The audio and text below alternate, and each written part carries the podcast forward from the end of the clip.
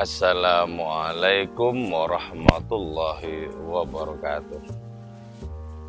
Bismillahirrahmanirrahim. Hamdan wa thana'an Laka ya Allah Salatan wa salaman. Laka ya Habibullah Wa ala alika wa ashabika Ya khair khalqillah. Amma ba'du. Para pemirsa semua Di mana pun berada Rahmatullah Alaikum ajmain Alhamdulillahirabbil alamin. Oleh Allah Ta'ala kita dikaruniai sehat walafiat termasuk juga dikaruniai kesanggupan kesemangatan kesergepan untuk menyelami hakikat bulan Ramadan pada tahun ini. Moga-moga Allah Ta'ala memanjangkan umur kita sehingga kita menangi bulan Ramadan di tahun depan, tahun depannya lagi, tahun depannya lagi. Amin. Ya mujibas sailin. Para pemirsa semua, rahmatullah alaikum ajmain.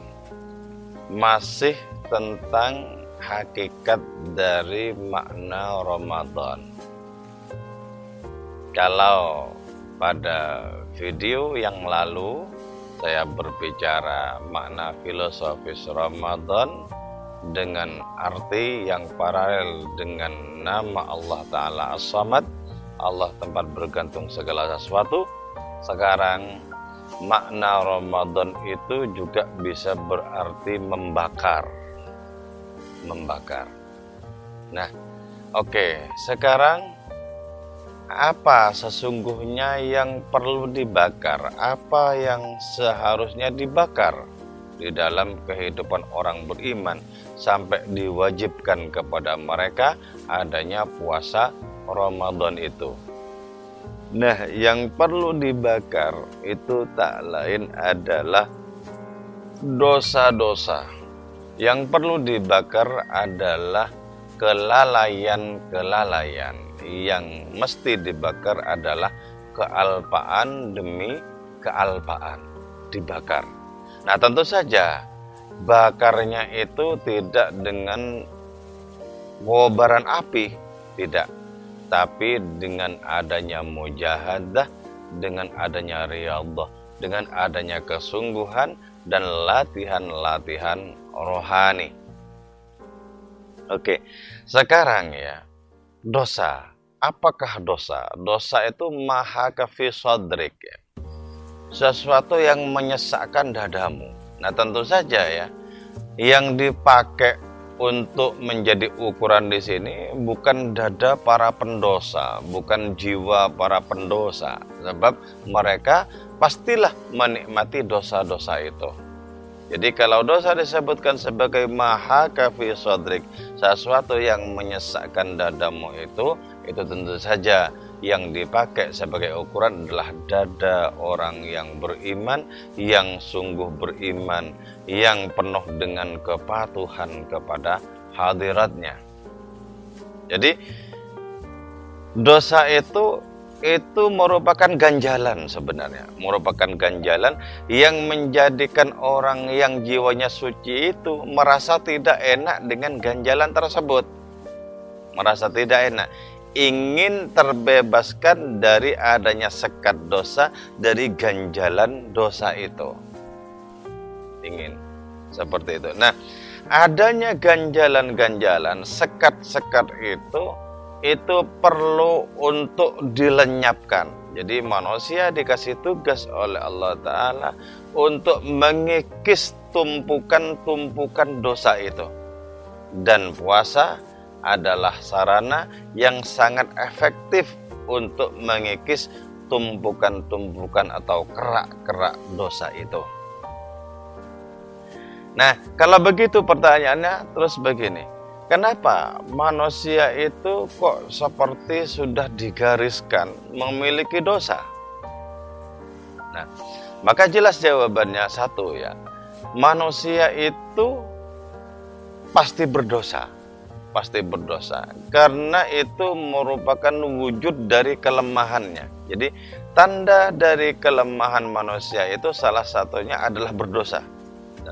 Tuhan semesta alam, Rabbul Alamin, Allah Subhanahu wa taala karena tidak memiliki sedikit pun kelemahan, maka jelas tidak akan berdosa. Sebab Allah itu maha sempurna, jadi tidak mungkin berdosa.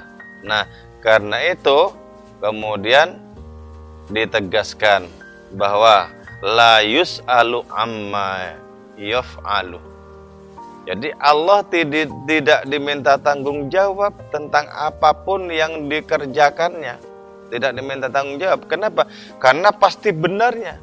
Setiap tindakan Allah itu pasti tidak ada yang meleset. Pasti benar.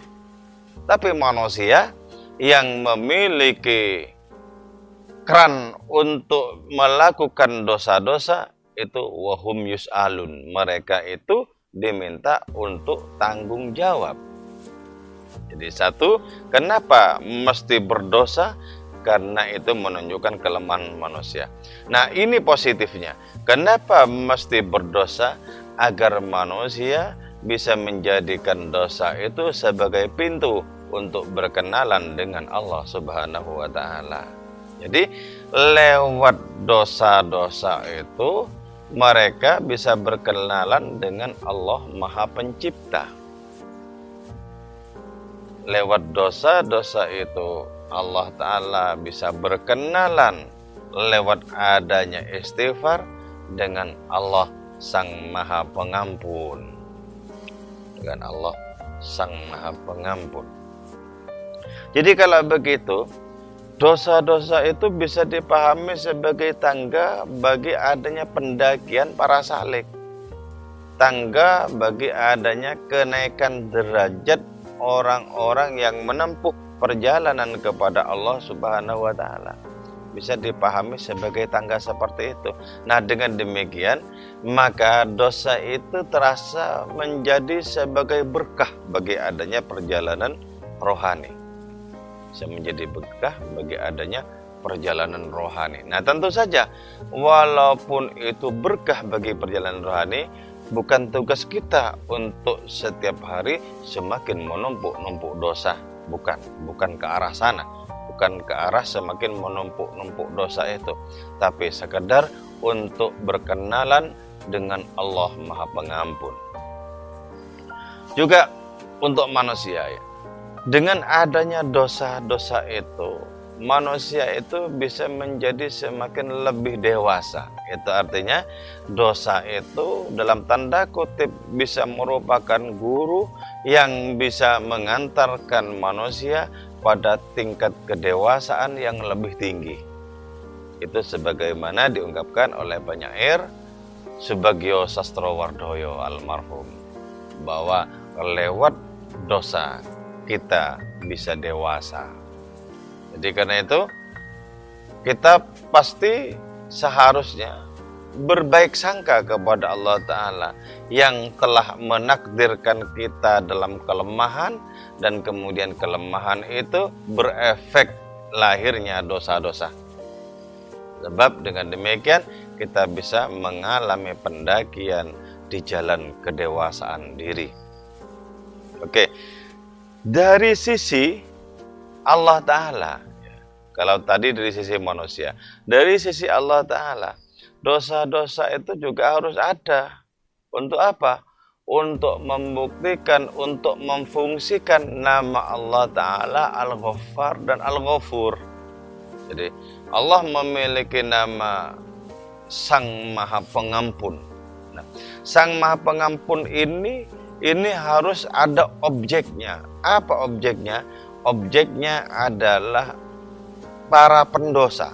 Objeknya adalah dosa-dosa itu. Harus ada objeknya. Karena ini membutuhkan objek, maka otomatis dosa-dosa manusia itu menjadi makanan, menjadi objek dari adanya nama Allah Ta'ala Al-Ghafur, dari namanya Allah Ta'ala Al-Ghafar. Harus menjadi objek. Jadi Nah, sebab itu di sini ya terasa jelas bahwa dalam tanda kutip dosa-dosa itu tidak saja dibutuhkan oleh manusia, tapi di satu sisi itu juga dibutuhkan oleh Allah Subhanahu wa taala. Sehingga dengan demikian menjadi klub ya. Menjadi klub antara kelemahan manusia yang salah satu efeknya itu adalah dosa di satu sisi dan Allah Subhanahu wa taala yang memiliki nama Al-Ghaffar dan Al-Ghafur yang membutuhkan objek yang tak lain adalah dosa-dosa itu sendiri. Jadi klub di sini. Jadi dengan berramadan itu kita bisa membakar adanya dosa-dosa itu. Bisa membakar dosa-dosa itu. Ketika kita sudah sanggup membakar dosa-dosa, maka kita tidak tertarik lagi kepada dosa, kepada segala yang sia-sia, tidak tertarik lagi. Tidak tertarik lagi. Jadi kalau dulu ketika masih kuat nafsunya, hasratnya kepada dosa-dosa, begitu sangat semangat melaksanakan dosa-dosa. Kini setelah dosa-dosa itu terbakar, kelalaian-kelalaian itu terbakar, menjadi tak berhasrat lagi kepada dosa-dosa itu. Jadi dengan demikian ya, dengan demikian melalui dosa itu kita bisa dewasa, melalui dosa itu kita bisa berkenalan dengan Allah taala yang Maha Pengampun. Kalau sudah seperti itu, maka yang merupakan bulan puasa bagi diri kita tidak saja Ramadan, tapi seluruh bulan yang lain menjadi bulan puasa. Oke? itu yang saya sampaikan moga-moga manfaat dan barokah untuk diri kita semua. Moga-moga Allah Ta'ala senantiasa menjaga kita semua. Wal minkum. Wassalamualaikum warahmatullahi wabarakatuh